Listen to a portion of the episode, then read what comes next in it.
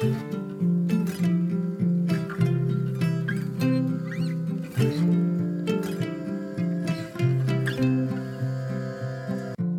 och välkommen till For Health med Anna Sparre. Idag är det äntligen dags att börja prata kvinnokroppen, psyken, hormonerna, sekret, hur du kan känna och se när du är fertil eller inte och så vidare. Och du som är man, jag tycker att du också ska lyssna. Om något vill du väl förstå kvinnokroppen? Det kommer att bli några stycken avsnitt med de fantastiska kvinnorna Jenny Kos, även kallad Vulverin, och Disa Minör, även kallad Wahini Wild Woman. I det här första avsnittet ska vi prata med Disa och lära oss allt om cykeln, hormonerna, kroppen. Vad händer i fertilitetscykeln och menscykeln? Det är späckat med konkreta tips och förklaringar. Visste du till exempel att du kan känna på din cervix, din livmoderhals, när du är fertil eller inte? Och vet du ens att eller hur man kan känna på den? Och så pratar vi såklart då sekret, preventivmedel, mens och hur du känner igen fertilt sekret så att du vet när du är fertil. I kommande avsnitt kommer vi att prata om den unika kvinnokroppen och hur den fungerar med trender såsom hård träning, strikt kost, veganism och så vidare. Och så ett mycket viktigt och hands-on avsnitt som handlar om cellprover och att läka cellförändringar och HPV på naturlig väg. Om du gillar den här podcasten och den gratis information den innehåller, så dela med dig till din vän eller familjemedlem eller varför inte på Facebook. Och så får du inte missa att lämna din recension i iTunes. Allt för att kunna hålla podcasten levande och få hit intressanta intervjupersoner. Tack på förhand! Och du vet väl om att du kan ladda ner mina e-böcker via fliken böcker på forhealth.se och att du kan boka mig som föreläsare.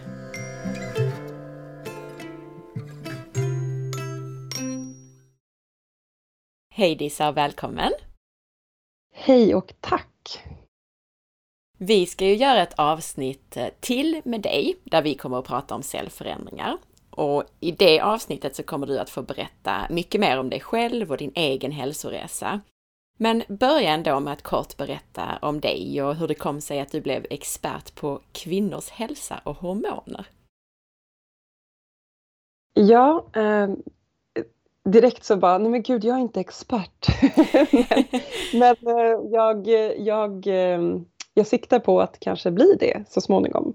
Och jag är väldigt intresserad och dedikerad. Men um, för mig väcktes den här fascinationen för kvinnokroppen och fertilitet och um, kraften i kunskapen om att förstå sin fertilitet Eh, det väcktes till liv under en föreläsning på Biskops Arne när jag gick naturmedicinskursen när jag var 24 eller något sånt. Eh, och Jenny Kos, vår underbara Wolverine, var och föreläste. Och jag kommer ihåg att jag lämnade den föreläsningen och var så lycklig och så arg över att jag inte... Ingen hade berättat för mig om hur min kropp faktiskt fungerade eh, med temperaturskiften och att cervix och livmodern rör sig i kroppen och sekret och det ena och det andra. Så jag var sådär upprymd och lycklig och samtidigt så var jag skitarg. och den liksom vågen eh, red jag vidare på eh, och vidareutbildade mig i massa olika saker och sen slutade det med att jag började också läsa Justice då, som Jenny också har läst eh, och utbildar inom nu och del av fakulteten. Så jag ja, men det var liksom inkörsporten var verkligen den föreläsningen som, som vart en stor aha-upplevelse för mig. Och vi ska ju ha hit Jenny Wolverin här också i mm. kommande avsnitt. Så det kommer bli en ja. perfekt kombo här med avsnitt från både dig och henne. Så kul! Men idag då så ska vi ju prata om just det här med fertilitetsförståelse och den, ja, kvinnans månatliga cykel egentligen. Och den här då menscykeln eller fertilitetscykeln, kan du berätta lite i stora drag om den? Ja, precis. Jag brukar dra liknelsen eh, med våra årstider för att den, den liknar väldigt mycket cykeln. Eh, vi brukar börja räkna eh, fertilitetscykeln från dag ett på menstruationen. Att då börja liksom en ny cykel och det är också för att det är då våra hormoner är som lägst eh, i kroppen. Och man kan tänka på det lite som att det är som djupvintern eller vintern då allting ligger lite i vila. Eh, de folliklarna som sen kommer att utvecklas är lite som frön i marken som inte har börjat groddas än. Och sen vart eftersom du kommer in en, så en vecka ungefär efter första dagen på mens så börjar de här folliklarna i dina äggstockar att utvecklas. Och det är lite som att de här fröna börjar spricka upp och det kommer en första två gröna blad eller något sånt där. Och där så börjar de också utsöndra östrogen. Och östrogenet är det som bygger upp vår livmoderslemhinna, alltså endometriet, det vi senare blöder ut som mens. Och det gör också att cervix kryptor, som vi tänkte att det kommer bli att vi pratar en del sekret här idag hoppas jag. Mm. Eh, att de här kryptorna då blir eh, påverkade av vårt östrogen och gör att vi får cervixsekret. Och det här cervixsekretet är någonting som spermier då kan överleva i upp till fem dagar. Och det, är, det byggs upp och blir mer och mera fertilt och bättre och bättre överlevnad, spermieöverlevnadsförmåga i det fram tills ägglossning. Som är liksom, nu har vi gått igenom vintern, lite vår där när de första gröna bladen kom och nu är vi i högsommaren då det liksom allting bara slår ut i full prunkande prakt och det är blommor och bin och det är frukter och allting mognar på träden och ja men det är verkligen the prime happening utav hela cykeln är ägglossningen. Um, för att den ja, jag, vi kommer komma till det också, men den är jätteviktig för att vi ska kunna enda sättet att vi ska kunna tillverka progesteron som är ett jätteviktigt hormon. Och vi kommer prata lite om hur östrogen och progesteron behöver balansera det och hur det hör ihop med hälsa och sådär. Men så där, då är vi där i högsommaren och um, det, östrogenet är i taket, eh, uh, LH utsöndras och vi har ägglossning. Och då kommer den här lilla kärnan ur frukten kan man säga att vi, du kan se framför att vi bryter öppen en persika här nu och plockar ut kärnan som antingen kommer bli befruktad men för det mesta det kommer det då inte bli det. Och det här kommer, den kommer brytas ner i äggledaren. Och kvar har vi det här fruktköttet som finns kvar i äggstocken och kallas för corpus luteum eller gulkroppen och kommer börja tillverka progesteron. Um, och det här är vår lutealfas. Det är den fasen efter ägglossning fram till nästa mens som är alltid är 12 till 16 dagar. För att corpus luteum har bara en sån överlevnadstid medan den tiden från första dagen på mens fram till ägglossning kan variera beroende på allt möjligt. Stress, livsstil och så vidare. Vad kallas den fasen för då? Den kallas för follikulärfasen på grund utav att folliklarna utvecklas under den, ehm, under den fasen. Och folliklarna utvecklas egentligen under en tre månaders tid, ungefär 90 dagar, lika länge som det tar en spermie att utvecklas i testiklarna. Eh, så tar det från att den här follikeln börjar mogna längre in i äggstocken och så har den som en vandring ut mot ytan utav äggstocken där den till slut en utav typ de 150 som börjar eh, mogna, en utav dem kommer eh, bli liksom the graphian follicle, den som kommer att få kläcka det här ägget och bli en gul kropp. Och då beroende på hur robust och liksom levnadskraftig den här gulkroppen är, beroende på det så kommer du må bättre eller sämre i din lutealfas. Och lutealfasen heter det ju på grund av corpus luteum som betyder gul kroppen. Och den här corpus luteum, så här, sommaren går över i höst. Den här eh, frukten börjar skrumpna ihop till någon sorts torkad, förhoppningsvis lite söt frukt om du har fått tillräckligt med sol och näring fram till ägglossning och de här första 90 dagarna. Och eh, om det inte befruktning har skett då så kommer den att brytas ner och bli en corpus albicans och vi tillverkar inte längre östrogen och progesteron från den körteln och det är det som gör att vi får en menstruation. Och där har vi liksom senhösten, allting börjar brytas ner. Eh, man kan känna att man blir kanske lite mer introvert. Mm, östrogen och progesteron har ju helt olika um, andra signalsubstanser som den liksom de påverkar. Så man kanske känner sig lite mer lugn, inåtvänd. Hösttid, man chillar ner lite mer med en kopp te och en god bok kanske. Um, och sen så får vi vår menstruation och då är vi tillbaka i djupvintern. Så så gör vi liksom som att vi gör årstidscyklerna i varje cykel. Vilket jag tycker är helt underbart. Det var en jättebra beskrivning tycker jag. Kan vi ändå sammanfatta det, kanske genom att mm. sammanfatta mm. vilka, vilka hormoner som utsöndras när? För du har ju nämnt här ja. östrogen, progesteron och LH till exempel. Mm, jättebra. Så det är, vi, egentligen så är hjärnan vårt huvudkontor för fertilitet. Och hjärnan kommunicerar hela tiden, eh, hypofysen kommunicerar hela tiden med eh, äggstockarna och testiklarna.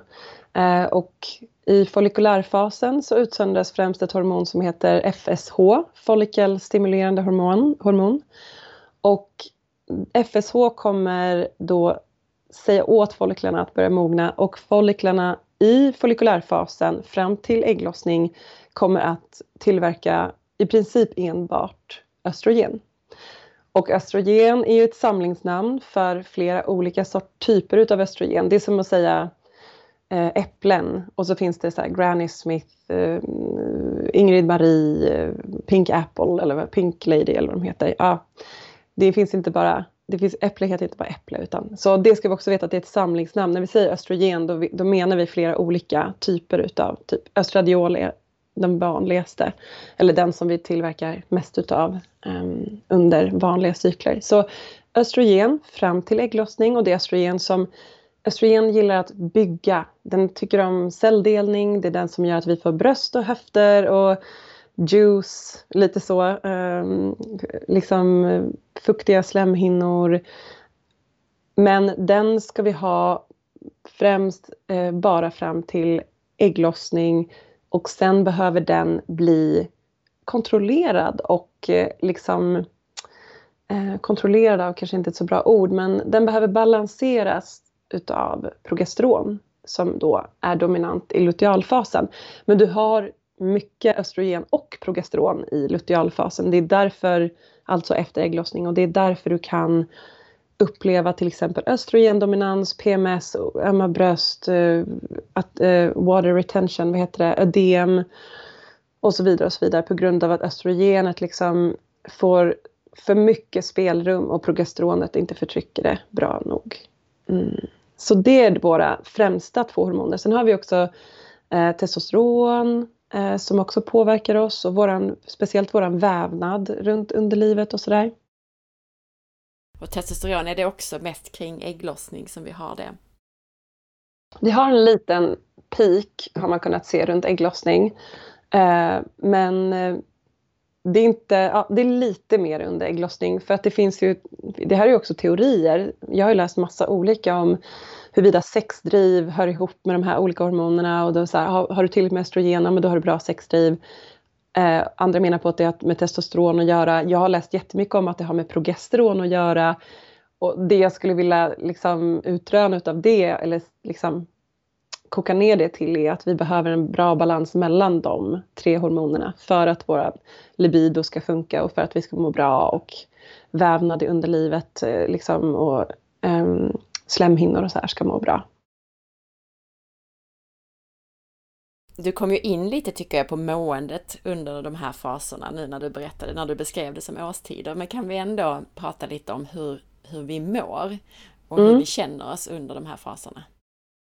Ja, um, det där är också väldigt så, så himla himla olika. Jag jag vet inte om det har främst med den livsstilen jag lever och att jag håller på med det här, men jag mår oftast väldigt, väldigt bra genom hela min cykel. Jag har inga menssmärtor, ingen PMS. Jag, jag kanske har lite PMS ibland, jag kan liksom märka av det, att jag är lite stingslig så, men överlag så är det som att jag surfar min cykel väldigt mycket och det är väl vad fertilitetsförståelsen har att ge, är att vi kan, när vi kan förstå våra hormoner så kan vi också må bättre. Um, så med det sagt så mår nog de flesta väldigt olika under eh, sin menstruationscykel eller fertilitetscykel. Men jag skulle väl säga att man har mer behov av att vila och ta det lugnt under de här första mensdagarna. Jag kommer ihåg att jag åkte förbi någon så reklam för försvaret för något år sedan.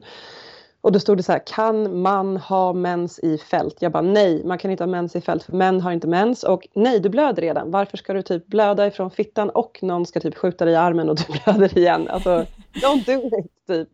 Ja, så det är så här, under mens, eh, vila eh, är bra.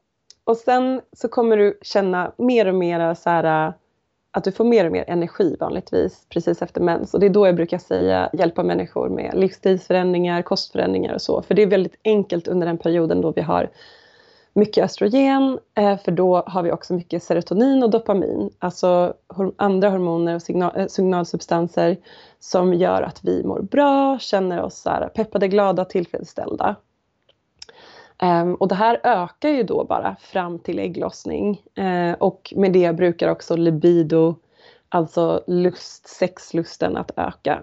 Uh, man brukar känna sig förhoppningsvis lite mera uh, extrovert, lite mer juicy. Jag försöker planera mina föreläsningar och mera eh, liksom publika event. Eh, försöker att göra det efter min ägglossning och mitt östrogen. För det är verkligen ett hormon som är så här partypinglan mera. Medans progesteron då, som kommer efter att vi har ägglossat, är mer utav ett lugn och ro-hormon. Det liknar eh, allopregnolon som är eh, ett, en utav bi... Vad ska man säga? Vad heter det? Mm, en utav nedbryt... Det, när, det, när progesteron bryts ner i levern så bildas allopregnolon och den har en liknande effekt som utav GABA och GABA är en sån signalsubstans som gör att vi känner oss lugna och som gör att vi sover bra och så vidare. Mm, så om vi har tillräckligt höga nivåer utav progesteron under lutealfasen, vilket betyder att du har en stark, näringsfylld, livskraftig gulkropp som utsöndrar mycket progesteron som också gör att ditt östrogen inte kommer igenom så hårt under den perioden som PMS till exempel. Då kommer du må jättebra, du kommer känna dig lugn, du kommer verkligen ha tid och kunna fokusera på sånt som typ så här, ah, men nu ska jag rensa ut den här lådan eller göra min bokföring eller du vet så här, städa ur det där skåpet för att du är inte i samma, man är inte i samma produktionsmode upplever jag utan man är mera, lite mera introvert och um, ja som sagt ifall tillräckligt mycket progesteron så har man ändå en så här äh, måttlig, trevlig sexlust och ändå att man mår bra helt enkelt. Eh, vad som kan hända om man har för lite progesteron eh, i den här perioden eh, är att östrogenet på något sätt kommer igenom lite för mycket och hamnar i obalans med progesteronet och då upplever vi ju sånt som PMS-symptom som är alltifrån huvudvärk till vattenansamling till gråtmildhet eller aggressivitet eller ja, det finns en massa olika saker. Och ett tecken på det kan ju vara bland annat, alltså ett tecken på att man har då lite brist på progesteron eller man brukar kalla det östrogendominans är ju att man har mycket PMS-besvär. Eh, och börjar man dessutom blöda lite så spottings några dagar innan man ska få sin mens, då vet man att gulkroppen inte är stark nog att hålla endometriet på plats hela eh, lutealfasen. Du säger nu att man ska kanske sova bättre och så för att man är lugnare under den här andra fasen, lutealfasen, efter ägglossning. Mm. Min mm. erfarenhet av, ja dels lite grann för mig själv, men framförallt från lite äldre klienter som alltså inte har kommit till klimakteriet än, men kanske ändå är över 40, är att mm. de sover sämre i den här fasen, sover mindre och lättare och vaknar lättare på natten. Ja. Ja, och det har ju att göra med att de antagligen inte har lika robusta gulkroppar eller kanske inte har ägglossning alls.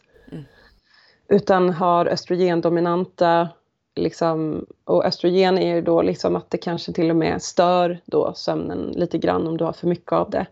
Och verkligen så här i slutet utav dagen, summan av kardemumman är att vi behöver ha balans mellan östrogen och progesteron. Och det är det som på något sätt blir lite svårt där när man kommer in i eh, klimak liksom förklimakteriet och i klimakteriet för då har du väldigt lite progesteron jämfört med de här mer fertila åren då man ägglossar på en mera liksom månadlig basis. Um, och det har man också kunnat se forskningsmässigt. Vad händer när vi inte har tillräckligt mycket med progesteron? Bara att vi har några anovulatoriska, alltså icke eh, ägglossande cykler under, um, liksom under ett år så att säga, eh, så kommer du få till exempel lite benskörhet utav det. Alltså det, progesteron har en helt otrolig förmåga att lagra in kalcium och bygga upp, eh, hjälpa till att bygga upp benstomme. Mm. Det är därför vi också, och för att det behöver, det behöv, den behöver, progesteron behöver balansera ut östrogen för annars har vi en cykel där östrogen får liksom löpa amok i kroppen och för mycket celltillväxt i endometriet, endometriecancer, för mycket celltillväxt i brösten, bröstcancer och så vidare. Och har vi dessutom en inte fullt fungerande eller jättebra fungerande lever och tarm, då kommer vi dessutom ha massa östrogenmetaboliter. Um, ehm, så eftersom eh, levern ska bryta ner alla hormoner och har vi massa annat där. Det är därför jag brukar prata med människor om alkohol och droger och så här för att det är sånt som gör att vi kanske inte bryter ner våra hormoner på rätt sätt. Och sen att man behöver ha en välfungerande tarm, äta tillräckligt med fibrer för att man ska kunna ta de här restprodukterna, alltså östrogenmetaboliterna och hormonmetaboliterna ut ur kroppen på ett bra sätt. Så det är också sånt som kan skapa östrogendominans, att vi har en inte välfungerande lever och tarm. Att vi inte gör oss av med de här metaboliterna. Precis. Jag tänker vi måste nästan gå tillbaka till en sak du sa mm. där, för du, du pratade om att vi inte ägglossar. Ehm, och det jag ville komma till då, kan det vara så då att kvinnor har en hyfsat regelbunden menstruation som kommer var, säg var 28 dag ungefär, men ja. att de ändå inte ägglossar? Ja. Ja. Så är det tyvärr. en blödning är inte tecken på ägglossning. Om, och, eller så här, har, har du gjort din fertilitetsförståelse, liksom, har du lärt dig fertilitetsförståelse så har jag märkt att de flesta av mina klienter och kursdeltagare de vet skillnaden på en bortfallsblödning och en menstruation. Um, för de kan te sig lite olika och sen kan inte jag redogöra för exakt hur de ter sig olika för det är lite olika från person till person. Men om vi tänker tillbaka till vad de olika Ehm, hormonerna, hur de påverkar endometriet, alltså insidan utav livmodern eller livmoderslemhinnan, är att östrogen profilerar, alltså skapar celltillväxt och bygger upp den medan progesteron eh, tunnar ut den igen och förfinar den och gör den sekretorisk, alltså full av kärl och sekret. Så en menstruation som har mera vävnad, sekret eh, och så vidare i sig kommer vara en liksom så här, ägglossningsmenstruation eh, medan en annan som kanske är mera antingen mörkare och klumpigare eller rikligare och mera att du börjar blöda väldigt mycket och väldigt tunt är sånt som kan vara eh, tecken på att du inte har haft ägglossning. Men det enda sättet att, faktiskt att ta reda på om du har ägglossat är ju att ta din kroppstemperatur, att eh, iaktta dina sekret och se att de torkar upp. För vad östrogen gör är att, de, att liksom det framkallar det här cervixsekretet eller eh, triggar igång det medan progesteron förtrycker östrogenet så att vi inte tillverkar något mer cervixsekret. Och progesteronet är ju där också för att vi inte ska få en till ägglossning, för det kanske har skett en befruktning. Eh, ja, så det är liksom de olika Mm, ja, men låt oss titta lite närmare på de sakerna du nämnde här då, alltså mm. hur man själv kan lära känna sin fertilitetscykel. Du nämnde temperatur, sekret och du nämnde tidigare också positionen på cervix. Och vi kanske ska, mm. vi kanske ska börja med att säga vad är cervix? Det är nog inte alla som mm. vet det. Jättebra. Så Cervix kallas även för livmodertappen. Det är den nedre delen på livmodern Ehm, som vi kallar för Nature's Gate eller Livets port. Um, och det är den delen utav din livmoder som du faktiskt kan känna på om du tvättar händerna och klipper naglarna och för upp en eller två fingrar. Kanske hjälper att du liksom sätter i någon sorts squatting position eller sätter upp ett ben på toasitsen eller någonting. Och så för du upp fingrarna upp, längst upp i vaginalkanalen så kommer du känna som ett... Alltså jag tycker att hon liknar väldigt mycket det manliga ollonet. De är, de är väldigt snarlika när man tittar på den. Eh, och så där kan man liksom känna efter en så här utbuktnande, rund eh, kroppsdel där det finns som ett litet hål i mitten som är cervix öppning eller cervixmun. Eh, och där i cervix så tillverkas de här cervixsekreten där spermier då kan överleva upp till fem dagar. Um, och där tillverkas även de sekreten som gör att den här kanalen när vi inte är fertila är stängd. Och då är vi påverkade främst utav progesteronet då, som gör att det blir stängt. Så det är cervix och cervix är en väldigt vital del av kvinnokroppen. Vi kommer prata mer om det här i cellförändringar och HPV-föreläsningen. Eh, men jag kan bara så här en liten sneak peek in att hon är ju liksom, hon har stora orgasmpotential. Eh, mycket njutning finns där, mycket nervändar som slutar där, bland annat vagusnerven som du, alltså alla som jobbar med hälsa förstår att den är väldigt, väldigt viktig. Den avslutas, liksom slutar i cervix. Um, ja, så det är en väldigt, väldigt häftig kroppdel. Så jag, jag verkligen, verkligen vill uppmuntra alla er där hemma som lyssnar att gå och känna på er cervix. Det är en fin upplevelse. Mm, ja men verkligen. Och jag kan betona mm. det här med att sätta sig på huk, att det hjälper för att nå in ja. så att säga. Mm. Och att liksom släppa taget om muskulaturen, lite som när man kissar. Att man bara, ah, man liksom känner hur hela livmodern kommer ner. Eh, för är man spänd då är det lätt att man kan liksom knipa upp henne längre upp i kroppen men man kan istället bara släppa ner henne. Så kan man liksom. Och oftast så är hon då lite mjukare och mer öppen och mer lättillgänglig när man är fertil medan hon är mer hård. Eh, man brukar likna det som vid en nästipp eller vid läpparna. Läpparna när man är mjuk, öppen, fertil. Hård som en nästipp om man är stängd, infertil. Eh, och då brukar hon också rikta sig lite bort, mera mot rektum. Men det, det, är också olika från person till person. Vissa kvinnor har en mera har en livmoder som är lite vänd åt ena eller andra hållet eller mer bakåt eller framåt. Så jag tänkte säga, för min är ganska vinklad redan. Mm, så att det är precis. precis. Men då kan man känna det på den här mjuk eller hårdheten då istället kanske, lättare. Det kan man göra, precis.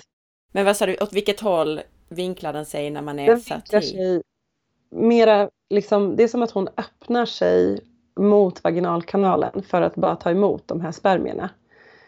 Um, ehm, Medan hon eh, stänger sig och mer tiltar sig, alltså lutar sig ba, eh, framåt då, och cervix hamnar mera emot eh, ändtarmen. Så det är cervix. Ja. ja. och den kan man känna på och lära känna.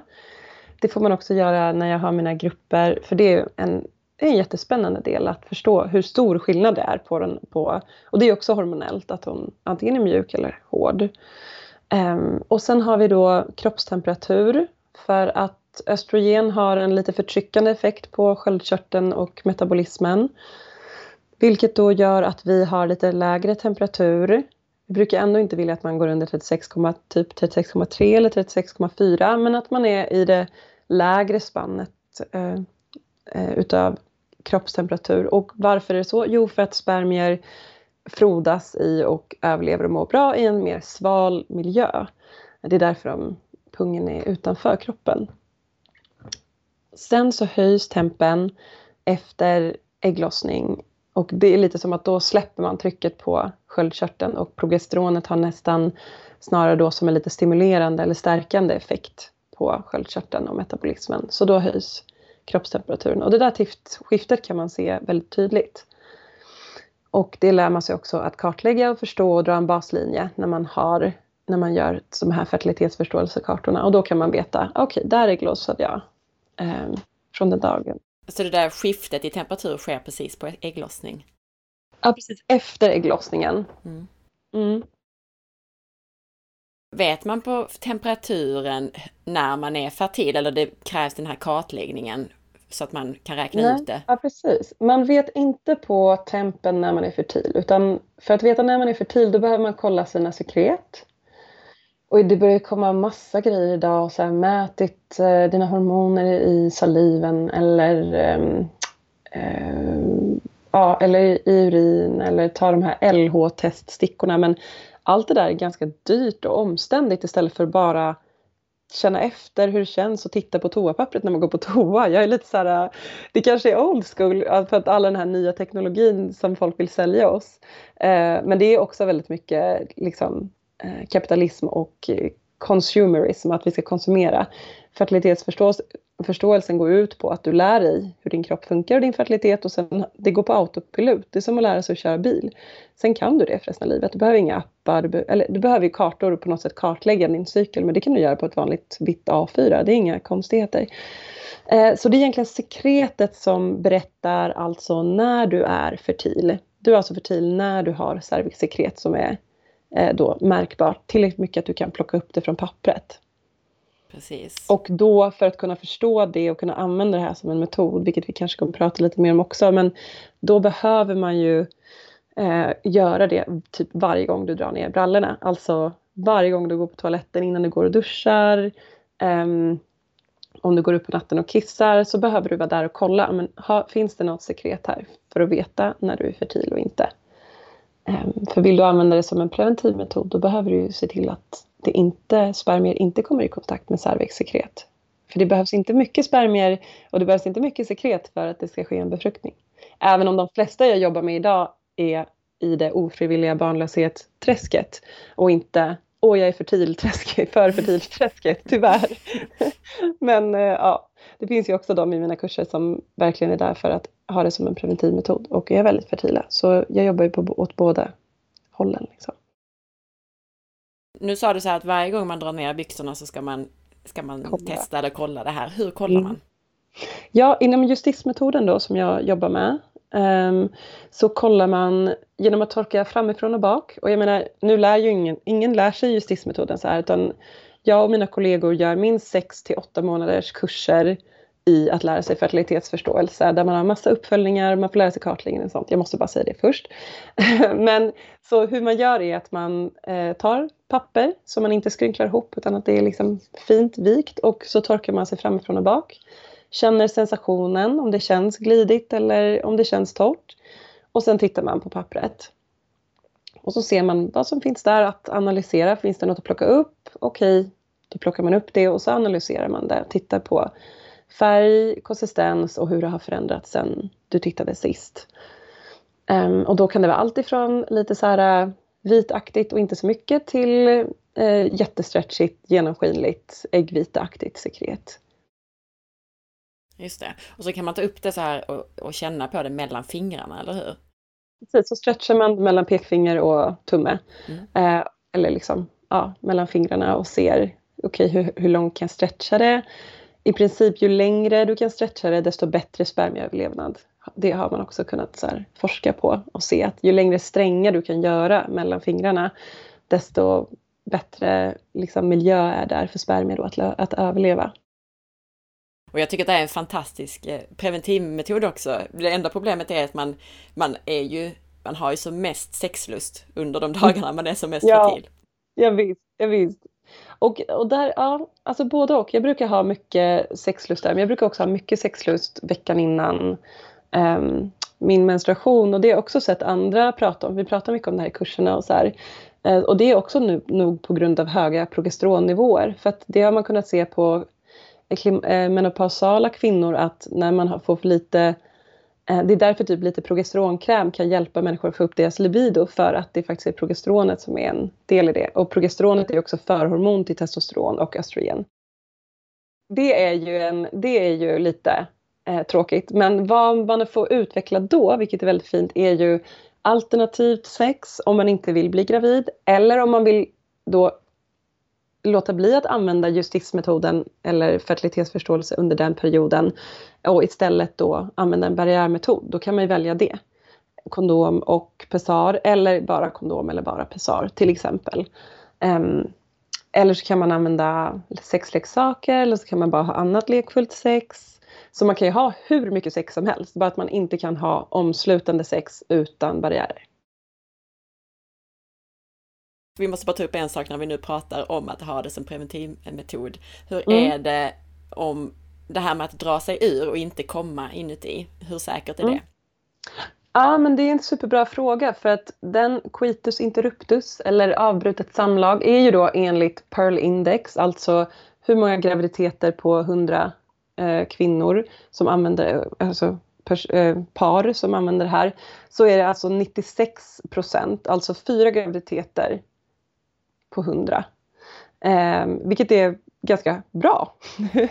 eh, för att den, den är nästan säkrare än kondom. Eh, men det är vid perfekt användning. Så jag skulle säga att den är någonstans mellan ja, mellan 85 och 90 eller mellan 80 och 90 någonstans, coitus interruptus. Och det är för att man har också kunnat hitta eh, sperma i den så kallade försatsen. Det kommer ju som en liten försats ut genom penisen för att liksom bana väg för de här spermierna som är väldigt, väldigt känsliga för det sura. Det är därför de dör i våran sura eh, vaginala miljö vanligtvis, förutom när vi är fertila för då kan de överleva väldigt länge. För det här fertila sekretet är basiskt. Så det kan vi bara slänga in där att spermier tycker om eh, svalt och basiskt och det är därför det här eh, försatsen liksom rensar urinrör. Det är lite som att rulla ut den här röda mattan för spermierna så kan de bara eh, då kan den här ejakulationen komma utan att de eh, skadar sig. Du har berättat här nu hur en normal cykel är och hur man normalt mår under den här cykeln också. Men lite grann kring det här med blödningen, alltså hur ska själva blödningen vara? Alltså hur tung ska den vara? Hur många dagar mm. ska den vara och så vidare?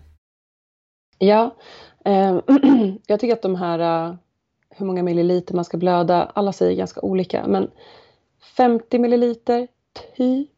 Um, Går du mycket över äh, typ 80 då tycker jag att då är det liksom lite för mycket. Sen är det svårt att mäta blödning så jag brukar mer prata om, jag brukar inte prata om milliliter, jag brukar prata om hur upplever den här kvinnan? Och hon får berätta så här, hur många bindor, eh, hur ofta byter du, om det är menskopp och så vidare. Och det som är bra med menskopp är att man kan analysera blodet. Och det vi vill med en menstruation det är att den, att den kommer utan att man knappt märker det. Kanske att du har en lite så här känsla av en molande verk i ländryggen eller runt livmodern och bara hmm, vad är det där? Nu börjar det su suga lite där, det kommer hända något. Så ska det kännas. Du ska inte ha kramper, du ska inte ha spottings och sen ska det vara som att öppna kranen. Du, vattnet kommer igång när du öppnar kranen och sen slutar det komma när du stänger kranen. Ehm, alltså hormonerna droppar fort, blödningen sätter igång, du blöder ah, tre, fyra, fem dagar. Ehm, och det har som ett crescendo att det börjar ganska tungt och det avslutas lätt. Det ska inte vara klumpar. Eh, om det är klumpar så ska de vara små och mjuka. Är det hårda klumpar och de är stora då är det någonting där hormonellt som är obalans. Um, och det ska vara lite flödande fin färg, alltså inte för mörkt, inte så svart, inte för mycket brunt.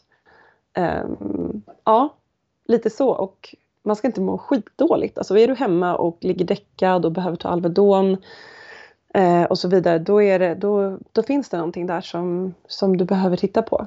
Eh, för att en menstruation ska vara att man oj, blir jordad och gör, man känner att man behöver ta ett kliv tillbaka. Om jag inte tar hand om mig själv och typ målar, ritar, skriver, är i skogen, mediterar mera, typ drar mig undan från världen. Om jag inte gör det under min mensperiod, då kommer det ta ut det, det, kommer ta ut sig själv senare då i cykeln. Och det här vet jag, jag har lärt mig det. Så jag har börjat så måla med mitt mensblod och göra så små ritualer och saker som gör att jag verkligen får dra mig undan ifrån världen. För annars så kommer det bita mig i rumpan senare i cykeln och då kommer jag behöva göra det då. När jag inte hade barn så kunde det vara att så här, kolla på en bra film typ eller någonting. Mm. mm. Och, och, då kommer det synas kanske i nästa menstruation också i, i det här med hur, hur mensen blir om du inte tar hand om ja, det Ja, kanske och min, åtminstone liksom under lutealfasen där man liksom Ja, för att, att vila och ta igen sig. Jag brukar prata om, jag la ut något inlägg där jag skrev om mensmat, att jag brukar äta blodpudding under den tiden. Så här, du blöder, ät blod. För att man förlorar ganska mycket järn och olika mineraler när man, när man blöder varje cykel. Inte så pass att du får järnbrist. Jag har aldrig haft järnbrist som typ Helena Kopp-Kallner och de här obstetrikerna på TV4 Nyhetsmorgon pratar om att det är därför vi ska äta p-piller för att annars får man järnbrist. Det tycker jag är ren BS. Så jag håller inte med dem överhuvudtaget utan det handlar om helt andra saker. Så här, och vi ska inte blöda för mycket och varför blöder vi för mycket? Jo, ifall vi har järnbrist så blöder vi för mycket. Så då behöver vi dela med den här underliggande järnbristen. Och hur gör vi det bäst? Jo, genom kost. För att vi kan se att järntillskott inte alltid är alltid, inte alltid funkar. Eh, man kan bli hård i magen av dem, man kan få andra problem och det är inte lika lättupptagligt som när du äter det via kosten. Så jag brukar här, peppa folk att äta blodmat under menstruationen. Mm, jag älskar. Vi, vi pratar mycket inälvsmat och lever och sånt här så det är jättebra. ja, det är bra, bra. Jag har kommit helt rätt. Precis. Jag tänkte på det när du sa hur många milliliter man blöder. Hur stor är en menskopp ungefär? Jag vet att det finns olika storlekar, men ungefär? Um, den är väl typ 10 mm. milliliter eller 15 ungefär. Ja, okej. Okay. Så att en fem menskoppar på en, en menstruation ungefär? Då. Ja, fulla liksom. Och där brukar jag också jag vill också passa på att säga att jag inte tycker att man ska sova med menskopp för att där, det bildas ju ganska mycket bakterier väldigt fort i den här, det här blodet. Eh, för att det är väldigt näringsrikt. Eh, det kan du, alltså om du lägger blod i en, i en burk och stänger locket i ett dygn, då kan du känna hur det luktar sen. Jag har prövat, jag lovar, det är inte trevligt. Eh, och det är lite samma sak att man liksom stänger in det och så ligger det här blodet och lite skvalpar mot cervix som är lite så här, nej, jag vet inte, bättre att bara blöda ut. Så jag blöder bara ut på tygbindor nu hela mina menstruationer eller bara fritt på marken. Eh, när jag kan såklart och det är inte alltid jag kan göra det tyvärr. Men, men eh, det finns någonting bra i att låta det här flödet komma ut och inte stoppa det för mycket. Ehm, och om man ska använda till exempel tampong eller binda, se till att det är ekologiska. För det är ju, bomull är någonting utav det som besprutas mest utav allt. Och det vill man inte föra upp i sin sköra slemhinna där vi tar upp jättemycket. Eh, liksom genom den. Mm. Ja, vad intressant att du säger. Alltså jag har, det, när jag började använda menskopp så kände jag direkt att jag vill inte ha, särskilt inte de första nätterna, vill inte ha det. Alltså det känns, det känns helt fel. Man, det känns som att jag vill blöda, allting ska ut ner. Ja, ja, Ja, så det var intressant att du tog upp det. Jag tänkte på det här också, du sa klumpar ska man inte ha i mensen. Vad beror de här klumparna på? Ja, det har ju någonting då med din endometri, uppbyggnaden utav endometriet att göra. Och eh, kanske för, för mycket då tillväxt, eh, östrogen och inte så mycket förtunning och förfining utav progesteron till exempel. Varför kan vissa småblöda i flera dagar innan mensen börjar? Jättebra fråga och det har ju att göra med gulkroppens stamina och eh, vitalitet att göra. Har du alltså under de här eh, senaste tre månaderna haft, eller 90, ja, ungefär 90 dagarna, haft eh, bra med näring, mycket sol, tillräckligt med vila, balans i din kropp och allmänt allmän hälsa så kommer du ha stark follikel som då utvecklas till den här gulkroppen. Har man inte det, har man inte tillräckligt med näring, har man för mycket stress, eh, andra livsstilsfaktorer, gift, miljögifter och så vidare. Eh, där har, kommer det också in så här senoöstrogener, alltså eh, olika hormonstörare. Så kommer det att påverka din gulkropp också på olika sätt. Och gulkroppen och progesteron är också direkt påverkbart. Så det är inte bara den här långa cykeln utan det är också en kortare cykel som är att prognenolon eh, är som är förhormonet till progesteron kan också bli kortisol som är ett av våra stresshormoner. Så har du stresspåslag, alltså typ du dricker kaffe varje dag eller du, du har en underliggande stress eller du har någon gammal utbrändhet eller utbrändhet just nu som håller på Ehm, eller vilken sorts stress som helst så, så kommer alltid vår fertilitet att nedregleras och där har du den direktlänken att eh, progesteron kommer att bli kortisol istället för progesteron. Eh, så det att du har spottings och att du blöder inför mens är att din gulkropp inte är robust nog. Och det är ett varningstecken för har du inte tillräckligt mycket progesteron då har du inte tillräckligt, då kommer inte din benstomme att vara stark nog. Den har liksom väldigt mycket motsatta effekter.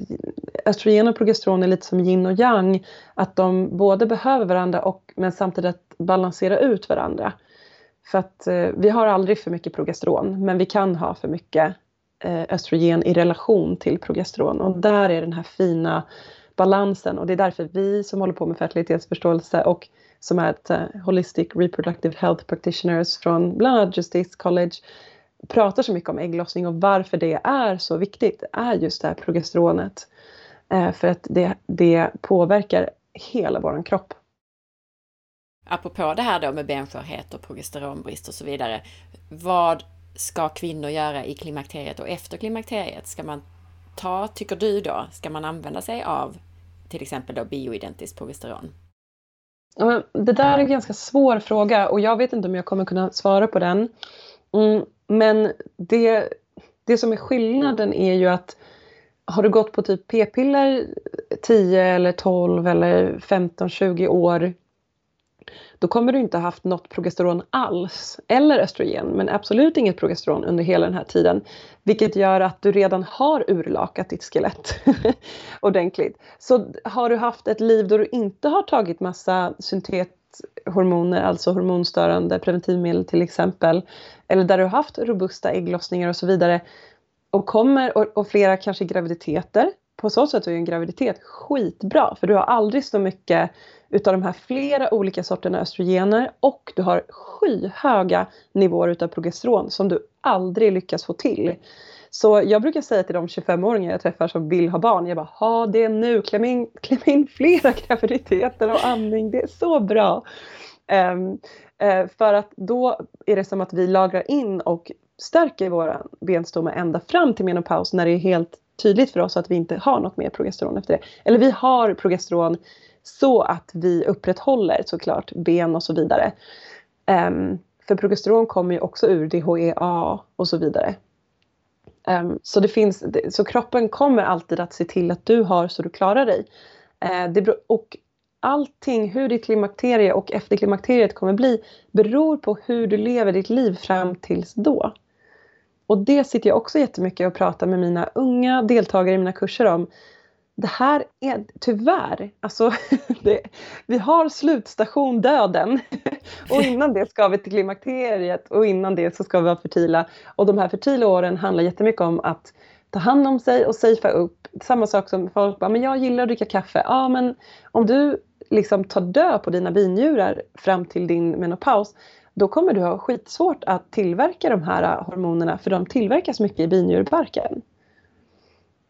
Och i fettvävnad och så vidare. och så vidare. Men så det finns en massa saker som man kan tänka på redan nu om det finns en massa unga lyssnare där ute. Att ju bättre ni tar hand om er nu desto bättre kommer ni må menopausalt och kanske inte måste ta bioidentiskt progesteron. Sen så finns det de som kanske kommer behöva ta det och då är det okej. Okay. typ så. ja. Justice är ju någonting som du har sagt här flera gånger. Vad är det egentligen? Mm. Justice College är startat utav, eller Justice International som det heter nu för tiden, startat utav eh, våran underbara, jag kallar henne för oraklet, Geraldine Mattus som har eh, skrivit en guidebok om justismetoden och som en jättebra bok om hur man kommer av Coming off the pill heter den typ. Och eh, hon är för detta barnmorska och eh, numera eh, Eh, jungiansk psykolog som har startade det här eh, för x antal år sedan. Eller det började med att hon började med Creighton-metoden och Creighton-metoden är en icke-sekulär, alltså en katolsk typ utav natural family planning kallas det när det inte är sekulärt. Och vi kallar det sekulära för fertility awareness. Och sekulärt betyder alltså att vi inte är kopplade till någon religion. Och vi är pro-choice, alltså att kvinnor ska få göra abort precis som de vill och ska få välja preventivmedel och abort ja, och så vidare. Medan pro-life är så här, ingen abort, eh, man ska göra så här och så här. Eh, så hon var eh, i den katolska läran och började hålla på med Creighton och sen så ville hon liksom, ja men hon eh, klev av det religiösa tåget som man ska säga och eh, startade då justismetoden Eh, skapade skapade justismetoden utifrån the Creighton method. Eh, och det är i the Creighton method som det har alla studier. Och efter det har hon också då startat en skola för hon började jobba med kvinnors eh, reproduktiva hälsa och hormonella hälsa och insåg att oj, här finns det jättemycket att göra och om vi ändå håller på med menscykeln och fertilitetsförståelse så har vi plötsligt ett diagnostiskt verktyg som är överlägset typ alla blodprover. Oj, helt plötsligt kan vi se järnbrist. Vi kan se Eh, metabolisk funktion och sköldkörtelhälsa. Vi kan se östrogennivåer i sekretet. Aha, vi kan också se progesteronnivåer här och så vidare och så vidare. Så det finns ju otroligt mycket som jag och mina kollegor kan läsa ur en menscykelkarta. Eh, vilket är någonting som vi också i framtiden hade varit underbart om vi kan ta med oss det till andra terapeuter och läkare och barnmorskor och så vidare så att man kan visa, men så här ser det ut här, okej, ja men då är det det här vi dealar med. Um, så hon har byggt Justice College utifrån det. Så vi jobbar alltså med holistisk reproduktiv hälsa, typ sexualhälsorådgivare. Um, hela colleget och studierna är då på engelska men vi jobbar också mycket i relation till våran kultur och vårat hemland och så vidare. Även om jag har läst väldigt, väldigt mycket om preventivmedelshistoria i USA. ja. Men när du då säger justismetoden, är det det mm. som vi har pratat om här då? Att, att lära ja. känna sitt sekret och så vidare? Precis, justismetoden är en, nu när vi ändå är inne på det, justismetoden är en symptotermal eh, metod, alltså vi kollar både sekret, och cervixposition och vi, kall, vi kollar temp. Så det är liksom tre olika parametrar som gör den väldigt säker.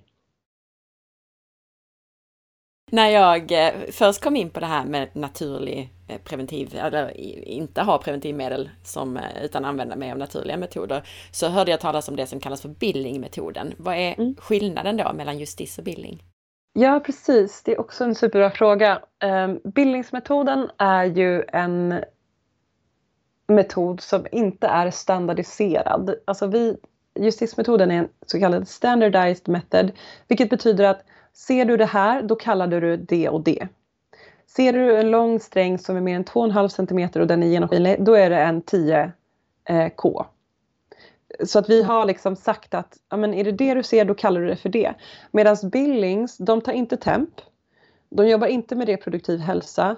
Eh, och, men de, de, det som är den stora skillnaden där är att de låter kvinnorna namnge sekretet och iakttagelserna själva. Så det finns liksom inte någon standard för hur det ska namnges utan det är liksom upp till dig. Um, så de jobbar väl, oh, nu blir jag osäker med cervixposition kanske. Men främst med sekret och känslan, mycket så här känslan i underlivet. Um, och, men inte med temp då, då, Vilket jag tycker är lite så tråkigt för att lägger man till på temp då har man verkligen ett kvitto på där var ägglossningen, nu har jag en helt säker period här framför mig. För det finns så mycket snack om att säkra perioder inte finns och det är inte sant för att vi är egentligen bara fertila sex dagar per cykel. De här fem dagarna som spermier kan överleva i kroppen och det här dygnet då du har ägglossning. För ägglossningen sker bara under 12 till 24 timmar. Så att då är det dagarna före där då också? Precis, det är dagarna ledande upp till ägglossning när du har fertilsekret som du är fertil. Och det här, när du sa den här 10K, just det här när du beskrev hur det såg ut, är det väldigt fertilt sekret? Ja, det är väldigt fertilt. Mm. Mm.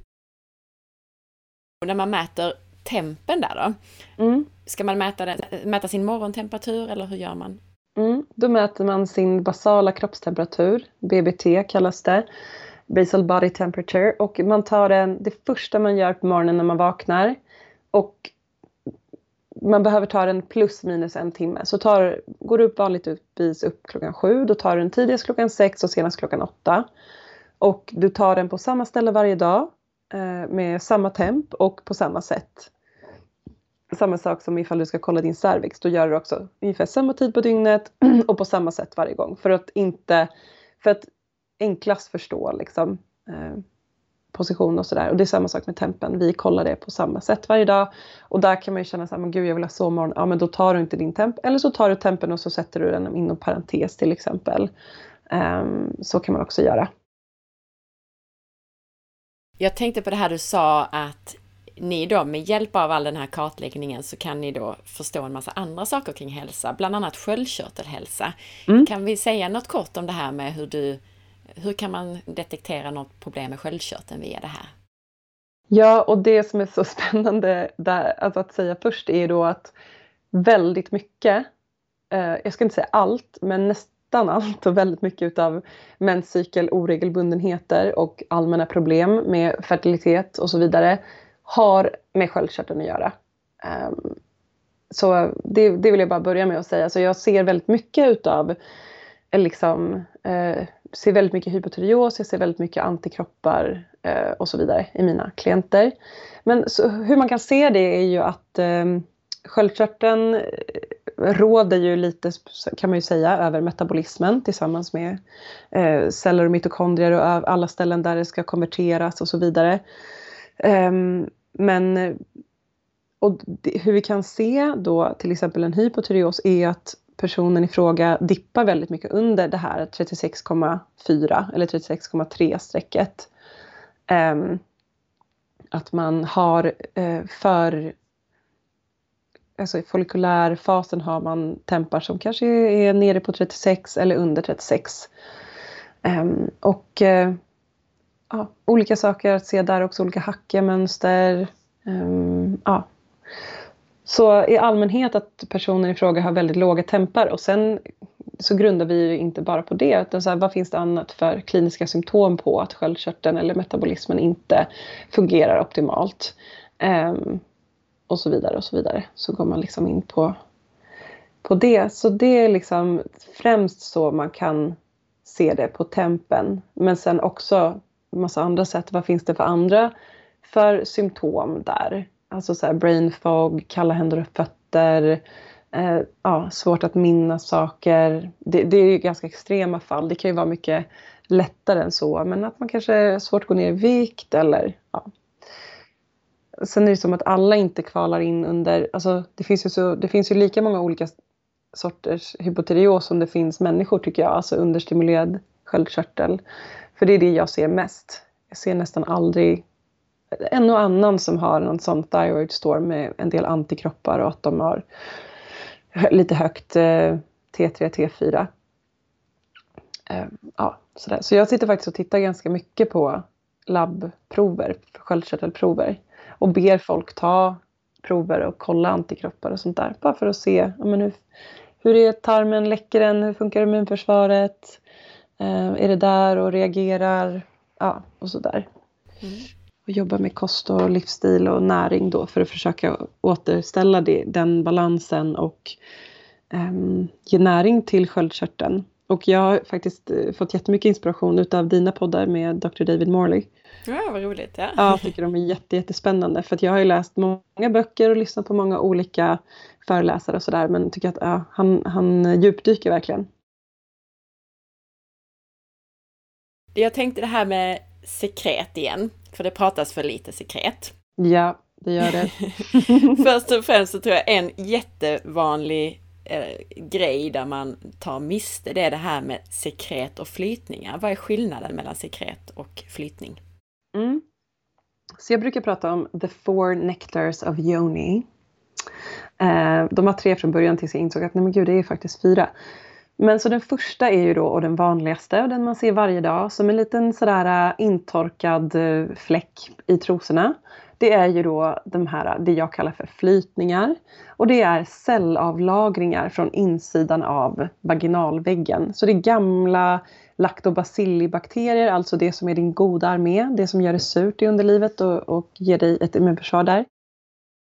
Så det är den, det är, den, det är de liksom det är det som är flytningar. Och sen kan de vara mer eller mindre rikliga och de ska ju alltid lukta gott. Typ lite sådär syrlig fräsch yoghurt.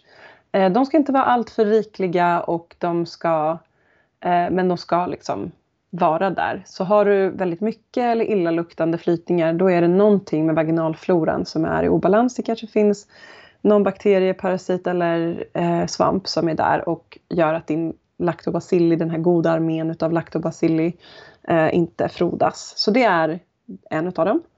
Eh, den andra som jag brukar prata om är det här eh, upphetsningssekretet som vi utsöndrar ifrån Bartolins körtlar som sitter precis vid vaginalöppningen.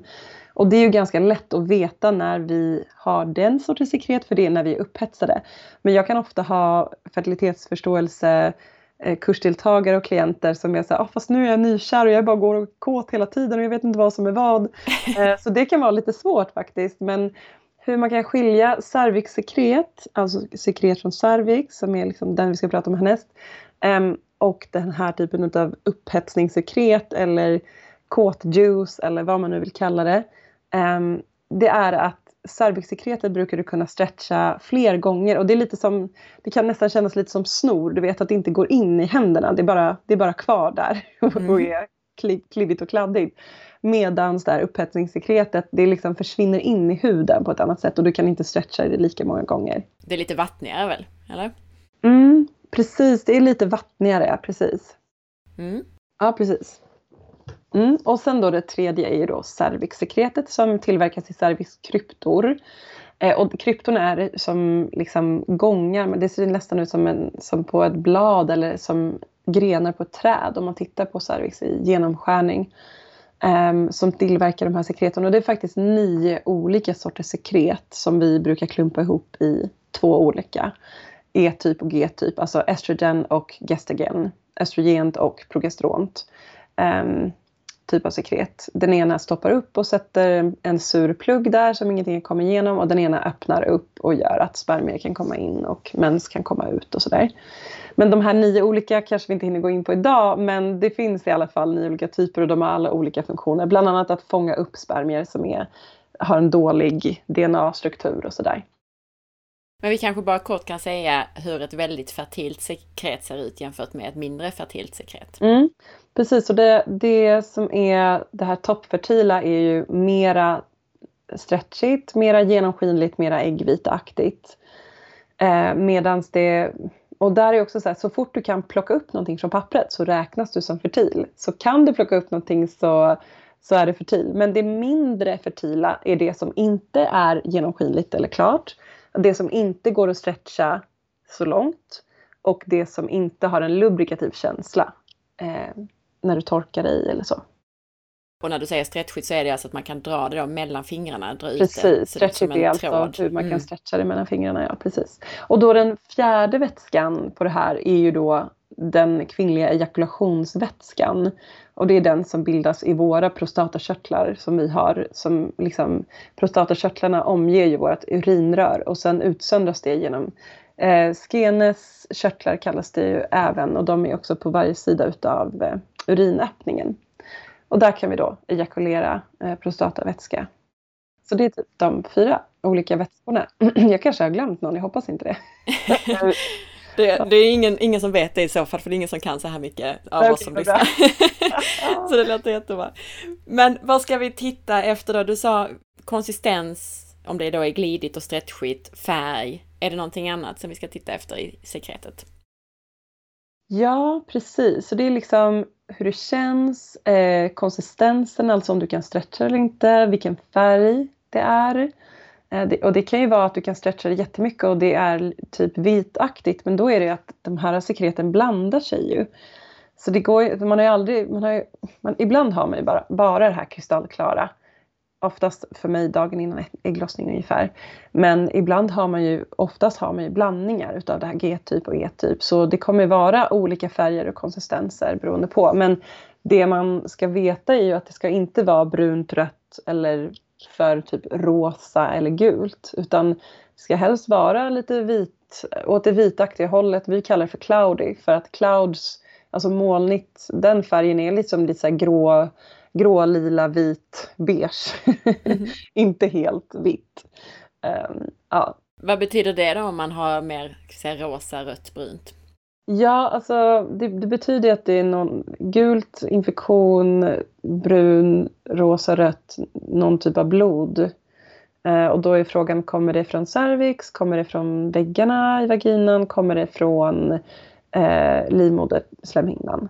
Eh, och det kan vara lite svårt att veta ibland. Men, eh, men det är en indikation på att man har blod då i sekretet. När det är liksom rosa eller rött eller eh, brunt är då koagulerat blod i sånt fall. Du har nämnt här som preventiv metod att man ska eh, anse sig vara fertil så länge man har det här sekretet. Är det någonting annat vi ska säga om det, är att använda det här som preventivmedel eller metod?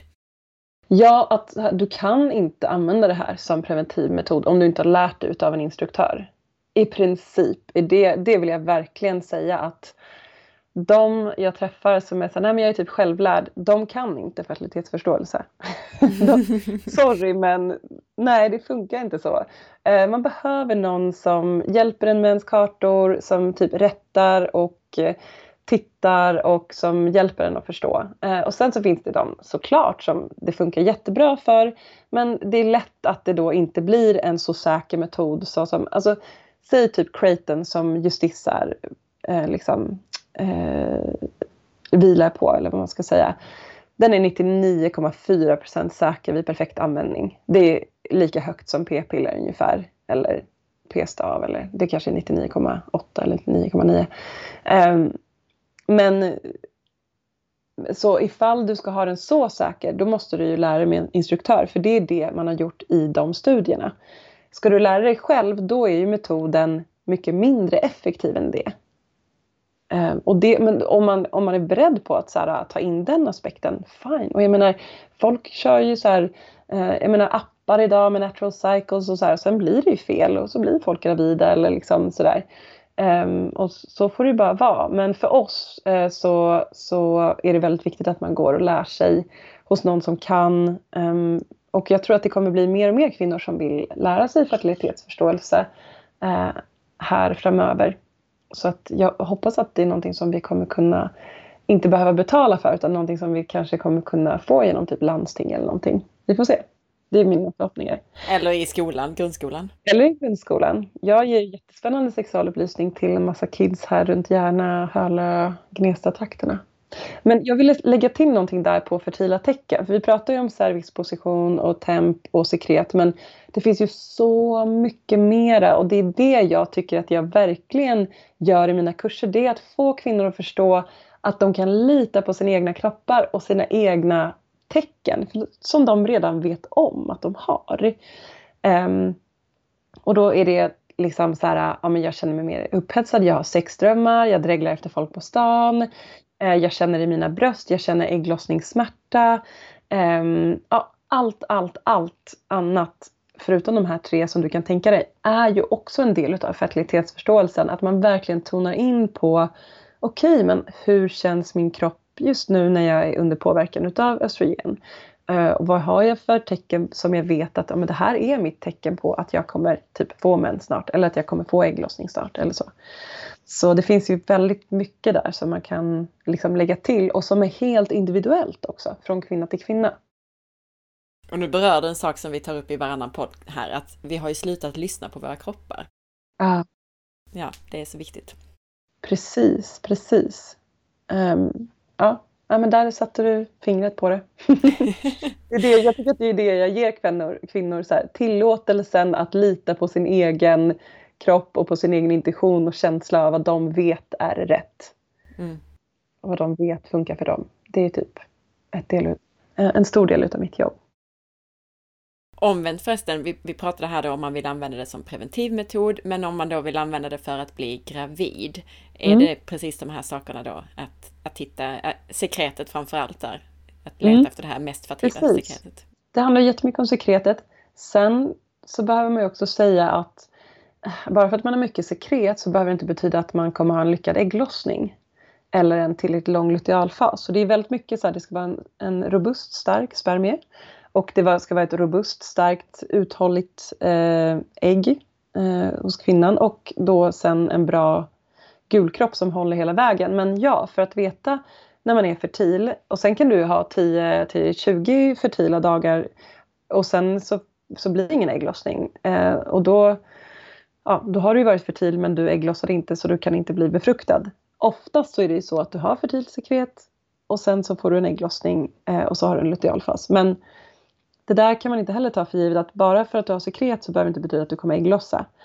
Men ofta så leder de fertila perioderna med sekret fram till ägglossning. Ja, så det är en av de sakerna man ska titta på, helt klart. Min nästa fråga, vi kanske har berört den redan, men vad är de vanligaste problemen med menscykeln? Mm, det är ju, alltså jag tycker att människor har problem med tunga eller smärtsamma blödningar. Eh, vilket ofta är så kopplat till järnbrist och inflammation och prostaglandiner och sådär. Eh, och sen så är det kanske att man har för lite sekret. Eller att man har för mycket sekret under en längre period, typ PCOS. Att man inte får upp östrogenet så pass mycket att man får igång... För du måste ha tillräckligt högt östrogen för att LH ska börja utsöndras för att ägglossningen ska komma igång. Ehm, och kommer du inte upp i det för att du kanske, ehm, du kanske inte konverterar ditt östrogen till, till östrogen, du kanske inte konverterar till östrogenet utan kanske konverterar till testosteron istället. Ehm, och då får du kanske så lite manliga features, alltså typ PCOS.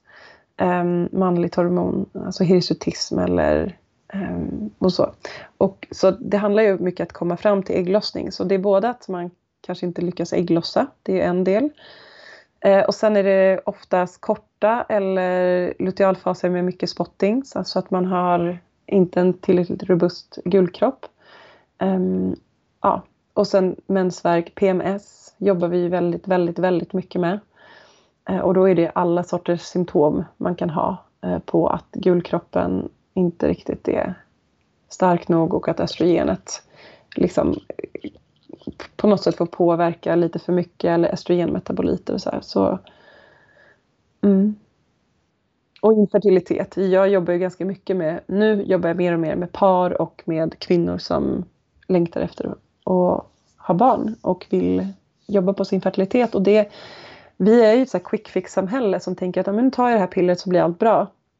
Men ja, det vet ju vi som jobbar med funktionsmedicin att det är ju lite eh, svårare än så att bara så här, ändra sin, sin allmänhälsa. Eh, så det tar ju lite tid.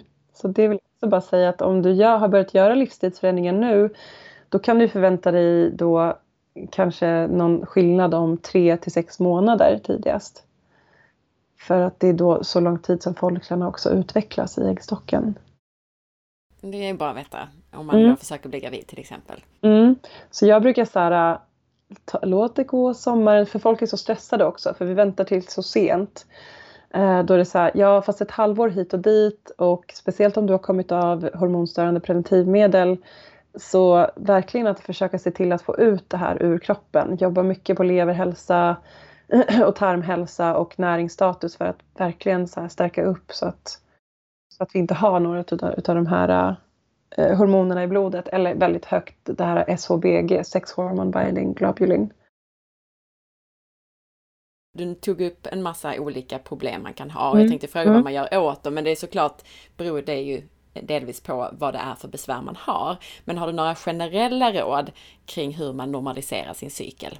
Mm, absolut. Jag menar, oftast så är det som, det var, det var min systers man som skämtade häromdagen. Han bara, men då, jag kan också ta ditt jobb. Det är bara att säga åt folk att sluta dricka kaffe, sluta äta gluten, inte äta raffinerat socker och sluta typ så här, äh, göra träning som gör att de stressar. Liksom.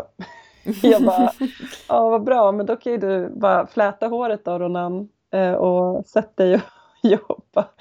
Eh, nej men så det, det handlar jättemycket om att vi, vi lever i en kultur där vi inte äter näringsrik mat.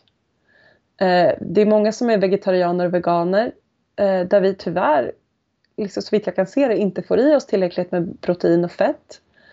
Eh, alltså bra fetter. Ehm, jag tänker mycket mättat fett och sådär då som, mycket, som innehåller kolesterol och mycket typ A-vitamin, D-vitamin och sådär. Um, så jag brukar först och främst så här, prata om, ja men först så vi behöver liksom skapa en livsstil där vi inte utarmar kroppen på vitaminer och mineraler. Alltså typ ta bort kaffe och koffein och svart te och så vidare. Och sen ta bort gluten som är en inflammationsmarkör ofta för väldigt många. Eh, kanske äta lite typ paleoaktigt under en period eller kortare eller längre period där vi äter mera näringsriktigt liksom grönsaker eh, och mera proteiner i form av animalier och mycket bra fett. Och sen precis som vi pratade om tidigare, jag tycker ju jättemycket om att äta till exempel lever och blodmat och sånt där för att det är, som, det, det är där vi hittar mest näring. Och det kommer vi också prata om i liksom föreläsningen om cellförändringar. Så här, vart hittar vi typ folat och B12 och sånt som, som hjälper oss att dela med HPV och cellförändringar? Jo, i till exempel inälvsmat och sådär. För att även om jag ofta rekommenderar kosttillskott så vill jag helst att vi jobbar med kosten och med livsstilen. Ja, men hur lever vi idag? Vi jobbar 100 eller 150 procent och så ska man vara perfekt på alla sätt. Man ska vara vältränad, snygg, per, liksom man ska vara en bra mamma samtidigt som man ska vara en framgångsrik egenföretagare. Alltså, det går inte ihop för det mesta. Så det behöver vi också bli påminna om att så här, det är okej okay att du inte ska göra alla de här grejerna, alltid. Du nämnde fel sorts träning. Vad är fel sorts träning? Ja, alltså träning som gör att vi höjer då kortisol och adrenalin. Eh, typ maratonlöpning, löpning, eh, allting som gör att vårt eh, stresssystem drar igång. Det kommer ju alltid att påverka psyken negativt för att så fort vi är i våran stress Även om det kändes så här, åh här är jag, ger mig själv en stund, jag är ute och springer i den här parken eller i skogen. Ja men det är fint men din kropp vet inte skillnaden på att springa ifrån eh, ett rovdjur eller att springa, vara ute och springa och tycka att det är skönt. Och så fort du har på något sätt adrenalin och kortisolpåslag så kommer det ett, ta ifrån ditt progesteron eh, och två, eh, gör att din kropp känner att nej, men vi behöver nedreglera fertiliteten för här behöver vi stressa oss ur den här eh, överlevnadssituationen. Typ. Eh, så då är det bättre att kanske så dansa eller styrketräna eller göra någon sorts uthållighetsträning och mera så muskelbyggande som har lite mera eh, dopamin, kanske oxytocin. Jag tycker om kontaktimpro. Min man är kontaktimpro-dansare. Så där är så här, man stärker kroppen, man tränar, man blir skitfitt och man får jättemycket beröring och oxytocin. Jag har nästan aldrig varit så hög som när jag kom ut ifrån mina första kontaktimpro-sessioner. Jag var bara så här, wow, varför gör inte alla det här? Ja, spännande. ja, så det är ju liksom, ja, eller typ någon sorts pardans eller dans där man har kontakt. Eller alltså vilken träning du vill som inte drar igång dina stresshormoner skulle man kunna säga. Och styrketräning där som du nämnde är ju till exempel det är mycket mer anabolt, mer anabola hormoner än de här katabola stresshormonerna. Precis. Du nämnde ju också det här med att du brukar tipsa om att stötta levern när man då mm. till exempel går av preventivmedel. Hur stöttar man levern? Ja, bland annat genom att äta sånt som levern behöver. Typ B-vitaminkomplexet, A-vitamin, D-vitamin, järn. Eh, ja, e-, egentligen ja, väldigt mycket, folat. Eh, så det är en grej, att levern behöver den alltså, näringen för att må bra. och det är där vi, det är där vi lagrar våra, våra näring, B12 och sådär, A-vitamin. Så jag tycker att det bästa sättet är att äta lever. Eh, vill man inte göra det då får man försöka hitta det på andra sätt. Ehm, sen finns det ju jättemycket så här lever och bitter, bittra, leverstimulerande och bittra örter. Typ maskrosrot, eh, rölleka. Um, ja, mariatistel är en av de som inte jag brukar dricka utan som jag brukar rekommendera till exempel på kapsel. Um, som är en väldigt stärkande ört. Uh, och sen kanske inte jag bara säger till alla nu som har leverproblem att så, ah, men ta mariatistel utan det beror lite på också. Um, jag har gått massa år hos en jätteduktig naturläkare som pratar mycket om här värmande eller kylande effekter utav olika örter också. Så det finns lite, lite sådana aspekter också. Men levern behöver ju också mycket, att vi, den gillar inte heller att vi stressar en massa och den tycker om att vi dricker mycket vatten. Um, för att den ska ju liksom rensa, den ska ju rensa ut alla gifter. Um, och så tycker den ju om att vi har en intakt och välfungerande tarm för annars måste den ta, med, ta hand om så mycket strunt. Och till exempel kanske undvika att dricka alkohol och då är folk så oh, men gud vad tråkigt. Men jag kan säga att jag är typ världens grymmaste partypingla. Jag har så jävla kul på fest fast jag dricker inte alkohol. Så det handlar inte om ifall man dricker eller inte. Det handlar om eh, inställningen till livet tror jag. Och kanske vilka kretsar man rör sig i. Ehm, men, men kroppen kommer alltid att, så här, levern kommer alltid att ta hand om alkoholen först eh, istället för att konjugera dina hormoner, alltså bryta ner dina hormoner. Så där har du alltid ett så här, okej okay, om jag väljer att dricka det här glaset vin nu, då kommer jag inte ta hand om mina hormoner, då kanske jag får mer PMS till exempel. Jag tänkte på en sak, vissa får ont vid ägglossning, varför får de det? Um, ja, det har ju väldigt mycket att göra med att det blir en väldigt stor cysta på själva äggstocken. Um, så det kan ju kännas och sen um, enligt min erfarenhet så tycker jag att det har ganska mycket att göra med den kringliggande vävnaden. Finns det inflammation där eller är det någonting annat som, som liksom håller på? Um, så kopplat till inflammation ofta. Om man har väldigt, väldigt svåra smärtor. Om det bara... Alltså jag till exempel har aldrig haft mensvärk men jag känner alltid av min ägglossning ganska mycket. Eh, och under de perioderna jag har haft problem med tarmar eller inflammation i, i liksom tarmområdet, då känner man det mycket, mycket mera. Så det kan vara något sånt till exempel. Vi pratade lite grann om det här med att mensen kan bli väldigt riklig till exempel om man inte haft en, en riktig ägglossning. Mensen kan ju bli rikligare, ibland kan den minska eller till och med upphöra. Vad är det som påverkar det? Är det just ägglossningen eller? Alltså, östrogenet är ju främst det som här, bygger upp eller bygger till. Eh, det är den som bygger upp slemhinnan. Så från sista dagen på din mens fram till ägglossning så gör ju östrogen allt den kan för att hinna bygga upp den här slemhinnan igen till en bra tjocklek. Så ifall du har äggloss, om du blöder till dag 7 och har ägglossning dag 11, det säger ganska mycket om hur lång tid östrogen har på sig att bygga upp din slemhinna, alltså inte så många dagar. Eh, det är därför vi kanske inte ska blöda så mycket mer än 5, max 7 dagar och sen ha en ägglossning som är dag 13, 14, 15 för att vi ska ha x antal dagar på oss att bygga upp den här slemhinnan. Så beroende på hur lång tid östrogenet har haft på sig att bygga upp den och hur mycket östrogen du har haft som typ byggstenar till att bygga upp den så kommer det resultera i en mer eller mindre riklig menstruation. Så där kan man också se på att kvinnor har en typ av östrogenbrist. Eh, de som inte blöder knappt någonting. Och det har ofta att göra med näring och så har det att göra med hur tidigt du ägglossar. Om man är orolig över sin kvinnohälsa och hormoner och sin cykel, vilka blodprover ska man ta då? Mm. Jag, jag brukar ju rekommendera alltså, att ta till exempel um, D-vitamin, B12, folat, järn och då är det så här järn, ferritin och hemoglobin och så finns det ju lite så här det finns lite olika skolor kring det där med ferritin och inte hur högt eller lågt och sådär. Men jag brukar i alla fall rekommendera att ta ferritin, eh, järn, HB, eh, de jag nämnde och sen en, sköld, en hel sköldkörtelpanel, alltså TSH, T3, T4, TPO och TRAC. Du nämner inte alls att ta blodprov av då östrogen och progesteronnivåer? Nej.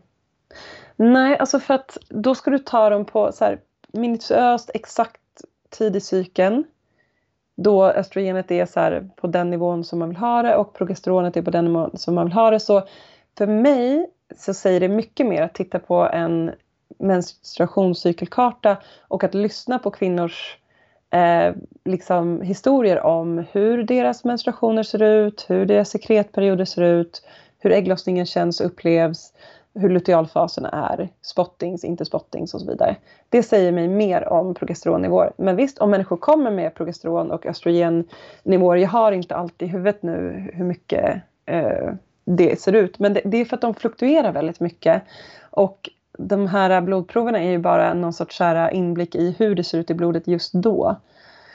Och som sagt så behöver man ju, då måste man ju ha fertilitetsförståelsen med sig för att ens veta när man ska ta dem. Mm. Och det är främst de som kommer från IVF och sånt där som har med sig sånt där, verkligen östrogen och progesteron tester också. Så nej, det är inte, jag brukar inte jobba med det för jag tycker inte att det är så effektivt. Mm. Det säger inte mig så jättemycket. Inte lika mycket som att lyssna på kvinnan berätta om sin cykel. Du nämnde här också det här med att man kan ha eh, ont kring ägglossning på grund av att man har en stor cysta. Vem får cystor och varför? Alltså cystor, eh, det jag menade där, det kanske inte var helt tydligt, var ju att alltså, alla ägglossningar är ju att vi bildar en cysta. Cysta betyder ju bara vätskefylld blåsa. Ehm, så den här eh, the Graphian follicle, alltså den här ledande follikeln som är den som kommer att eh, bli en del av ägglossningen, den är ju en vätskefylld cysta och när den när den liksom spricker, det är alltså, man kan tänka sig att eh, äggstockarna är ungefär som en oskalad mandel och den här cystan är då 2,5 cm stor, vilket är nästan hela.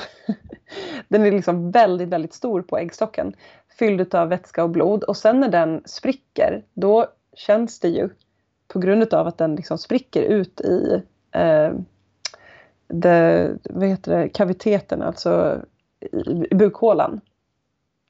Um, så så det har ju med det att göra. Men cystor på äggstockarna kan ju då också ha att göra till exempel med eh, östrogendominans, alltså att inte progesteronet är där och liksom förtrycker östrogen och lite typ städar upp celltillväxten och förtrycker den utan att eh, östrogen får lite löpa mok och lite göra som den vill och det kanske finns östrogenmetaboliter där på grund av en icke-fungerande lever och tarm. Eh, och där har vi också så här myom, um, fibrocystiska bröst, eh, eh, cystor på äggstockarna och så vidare. Och så vidare. Alltså det har mycket med östrogendominans att göra, att vi inte har den här balansen mellan progesteronet och östrogenet. Och så en sista grej bara. Du nämnde de här på TV4 Nyhetsmorgon. Men... En del som förespråkar preventivmedel, som till exempel p-piller, de menar att det besparar kroppen, att det inte är normalt att ha ägglossning varje månad hela livet eftersom vi är gjorda för att vara gravida och amma mycket större del av livet än de flesta gör idag. Vad säger du om de argumenten? Alltså jag säger att de är helt åt fanders. Jag förstår inte hur man kan, hur kan man få säga så? Det är ju, det är ju verkligen jätte, jättekonstigt. Alltså, och där tycker jag också att det, det har, en, det liksom har med typ manligt och kvinnligt att göra. Det har funnits manliga p-piller men man har slutat, man har avbrutit alla de studierna för att män fick så kroppar och nedsatt sexlust och problem med libido. De kunde inte få upp den och så fick de plötsligt lite så här bröstvävnad och oj oj oj. Precis allt det som kvinnor, liksom all den här strunt som kvinnor behöver vara med om för att de ska skydda sin fertilitet för att vi vill inte bli gravida. Vi har jättemycket att investera i vår fertilitet eller att förtrycka den. Så jag förstår kvinnor som tar p-piller och använder p-stav och p-ring och allt vad det nu är. Men ett så finns det en miljöaspekt, att vi faktiskt förstör vår miljö Eh, med de här eh, liksom, hormonstörande ämnena som vi kissar ut i grundvattnet. Eh, men två också att, att de liksom de, de utarmar våra kroppar på näring. Vi får näringsbrist, vi får insulinresistens, eh, det bryter ner vävnaden i vårt underliv, vår klitoris krymper, våra äggstockar krymper, Ehm, så det här att vi skulle typ spara ägg, det, det, liksom, det, det stämmer inte heller för att dina äggstockar åldras och det kommer de göra vare sig du tar p-piller eller inte. Så det här med att det skulle vara bra för oss eller bättre för oss att gå på de här hormonstörande ämnena, det, det är inte sant för att de här äh, syntetiska hormonerna som man tar de har inte samma effekt i din kropp som dina kroppsegna östrogen och progesteron har de är liksom eh, fejkade härmapor som inte liknar dina hormoner för att då hade man inte kunnat ta patent på dem. De måste vara så pass olika för att du ska kunna ta patent på dem och den där olikheten i de här olika bindningarna eh, gör ju att du får en massa biverkningar. Um, så om människor tror att det är så här, ja, det är bättre att gå och ha, få blodproppar och ha huvudvärk och torrt underliv och eh, smärta vid samlag och näringsbrist och insulinresistens än att inte ha det, då förstår inte jag riktigt deras argument. Alltså lite där jag så här, um, skakar på huvudet och bara nej, nej, alltså vi är lurade. That's it. ja. Sen kan det finnas då, vissa typ tider då det här kanske behövs under en period eller så. Det, jag säger ingenting om det, men och jag säger att vi såklart kanske, att vi ska kunna välja det. Jag är verkligen så här pro-choice på alla sätt. Men vi behöver förstå vad det gör med vår omvärld, alltså att det läcker ut i grundvatten, påverkar fiskar, ekosystem och att vi andra som inte vill ha någonting med de här hormonstörande ämnena dricker det i grundvattnet för att kvinnor som äter p-piller och använder olika stavar och implantat och sådär kissar ut det. Så det, vare sig man vill det eller inte, så det påverkar ju inte bara dem utan det påverkar ju oss också. Eh, och jag tror att vi har bara sett toppen av ett isberg när det kommer till att prata om preventivmedel och varför vi inte får prata om de här hormonstörarna. Det har med befolkningskontroll att göra. Var kom p-pillret ifrån från början? Jo, det handlade om befolkningskontroll och rasism. Och det vi ser idag det är ju att vi känner att vi är privilegierade som kan ta de här eh, liksom, eh, det, det, är som en medicinsk kastrering, det man utsätter sig själv för. Och det påverkar ju då, det påverkar alla, alla, alla delar utav din kropp. Och det är det jag ser hela tiden när jag träffar kvinnor som har gått på eh, de här preventivmedlen i allt ifrån 5 till 40 år. Jag träffade en kvinna en dag som har tagit i 40 år. Hon har så mycket problem med olika myom och blödningar och du vet, det är som att hon är helt ihopskrumpnad. för att hon har inte haft sitt kroppsegna östrogen och progesteron som har gjort hennes kropp frisk och stark. För det är faktiskt vad våra kroppsegna hormoner ger oss. Det är vitalitet och hälsa. Um, ja, så jag håller ju då inte alls med. här, jag börjar förstå det. mm. Ja, men det är så helt fantastisk information det här. Jag längtar redan till nästa gång vi ska prata, när vi ska prata om cellförändringar. Ja, kul. Jag ser också jättemycket fram emot det. Det ska bli så roligt. Nu kommer ju massor med lyssnare vilja lära sig det här och vilja komma i kontakt med dig och så. Kan du berätta lite hur man kommer i kontakt med dig och var man hittar dig? Ja, jag har en hemsida som heter wahini.se och eftersom jag blev gravid strax efter jag slutade, eller tog studenten i, justis och eh, sen har varit mamma så har inte jag hunnit göra så mycket på den hemsidan så det finns inte så mycket att hämta där förutom att boka tid ibland. Men jag har också börjat bli väldigt, väldigt populär vilket betyder att så fort jag har tider som kommer ut så försvinner de på några dagar. Så det finns inte så mycket tider just nu utan om man vill jobba med mig så är det bästa sättet att göra det via mina kurser. Jag har en kurs i Stockholm, en i Järna och en online som är halvfulla nu inför hösten. Så om man är intresserad av det så kan man haka på där och då lär man sig fertilitetsförståelse under åtta månader. Och ha, kommer man med någonting då, infertilitet eller vilken sorts hormonell obalans som helst så kommer man ju få hjälp med det längs vägen. För det är precis det vi pysslar med under de här kurserna. Så man får fertilitetsförståelse plus att de flesta kommer ut på andra sidan och bara har mer sex, bättre sex, bättre fertilitet. Alltså jag säger inte det här på skoj utan det är verkligen så också. Det är vad de vittnar om i mina kurser. Jag bara, kan inte ni bara berätta det här för hela världen för då kommer det bara fyllas upp direkt. Eh, men så har jag också privata konsultationer. Eh, men nu har jag ganska många jag startat upp här under sommaren. Så jag kommer främst att jobba med uppföljningar i höst. Men det kommer finnas tider då och då. Så samlar jag också människor i en mejllista när jag släpper nya tider så, så kommer jag mejla ut till dem. Och i, efter februari när min dotter börjar gå lite grann på dagis då kommer jag ha lite mera tid på mina händer att jobba mera med konsultationer vilket jag tycker är väldigt, väldigt kul att få hjälpa människor med sin hormonella obalans och få hjälpa människor att bli gravida. Och så här, det är det roligaste som finns. Sen har jag också en Instagram där jag delar en massa roliga saker. Den är lite mera eh, intim och avklädd medan min Facebook-sida är lite mera klinisk med lite mera forskning och liksom som backar och sådär. Mm, och på Instagram så heter jag Wahini Wildwoman eh, och på Facebook så är det Wahini Woman. Så om man vill kolla in det så kan man göra det. Det finns en massa spännande eh, inlägg och information där att, eh, att läsa om. Så det, mm, enjoy! och de här kurserna, anmäler man sig till dem på din hemsida? Precis, man kan anmäla sig via hemsidan eller man kan mejla mig, vilket man också hittar då via hemsidan, mejl och sånt där. Eh, och det bästa om man vill läsa lite mer om dem, det är att gå in och läsa på mina event på Wahini på Facebook. För där finns det lite mera, men vilka datum, vilket upplägg, vad man faktiskt får ut av kursen, vad det kostar. Ja, och så vidare och så vidare.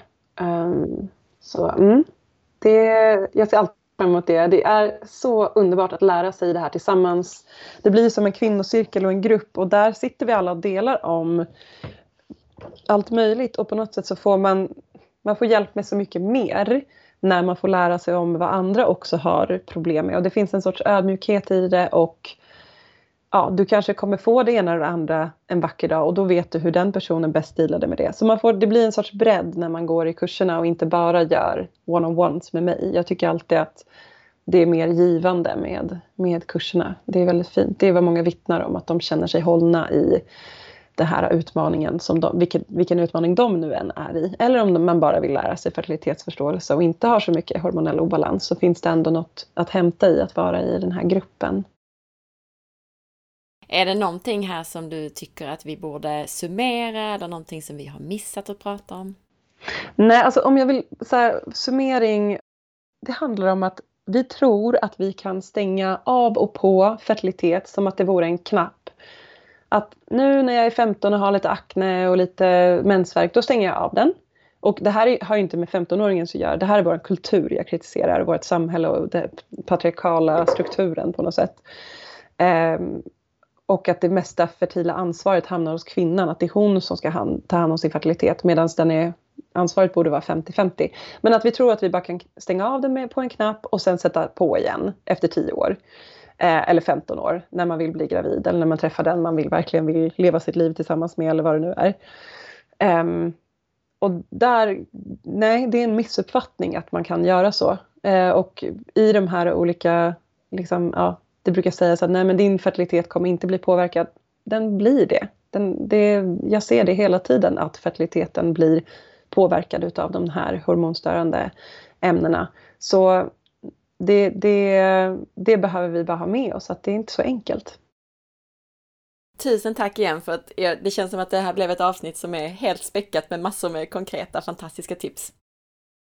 Jag är så jätte, jätteglad Anna att du har bjudit in mig. Jag tycker det här var jätteroligt. Så tusen, tusen tack till dig också. Och hej till alla lyssnare där ute. Jag hoppas att jag får träffa er någonstans på något sätt.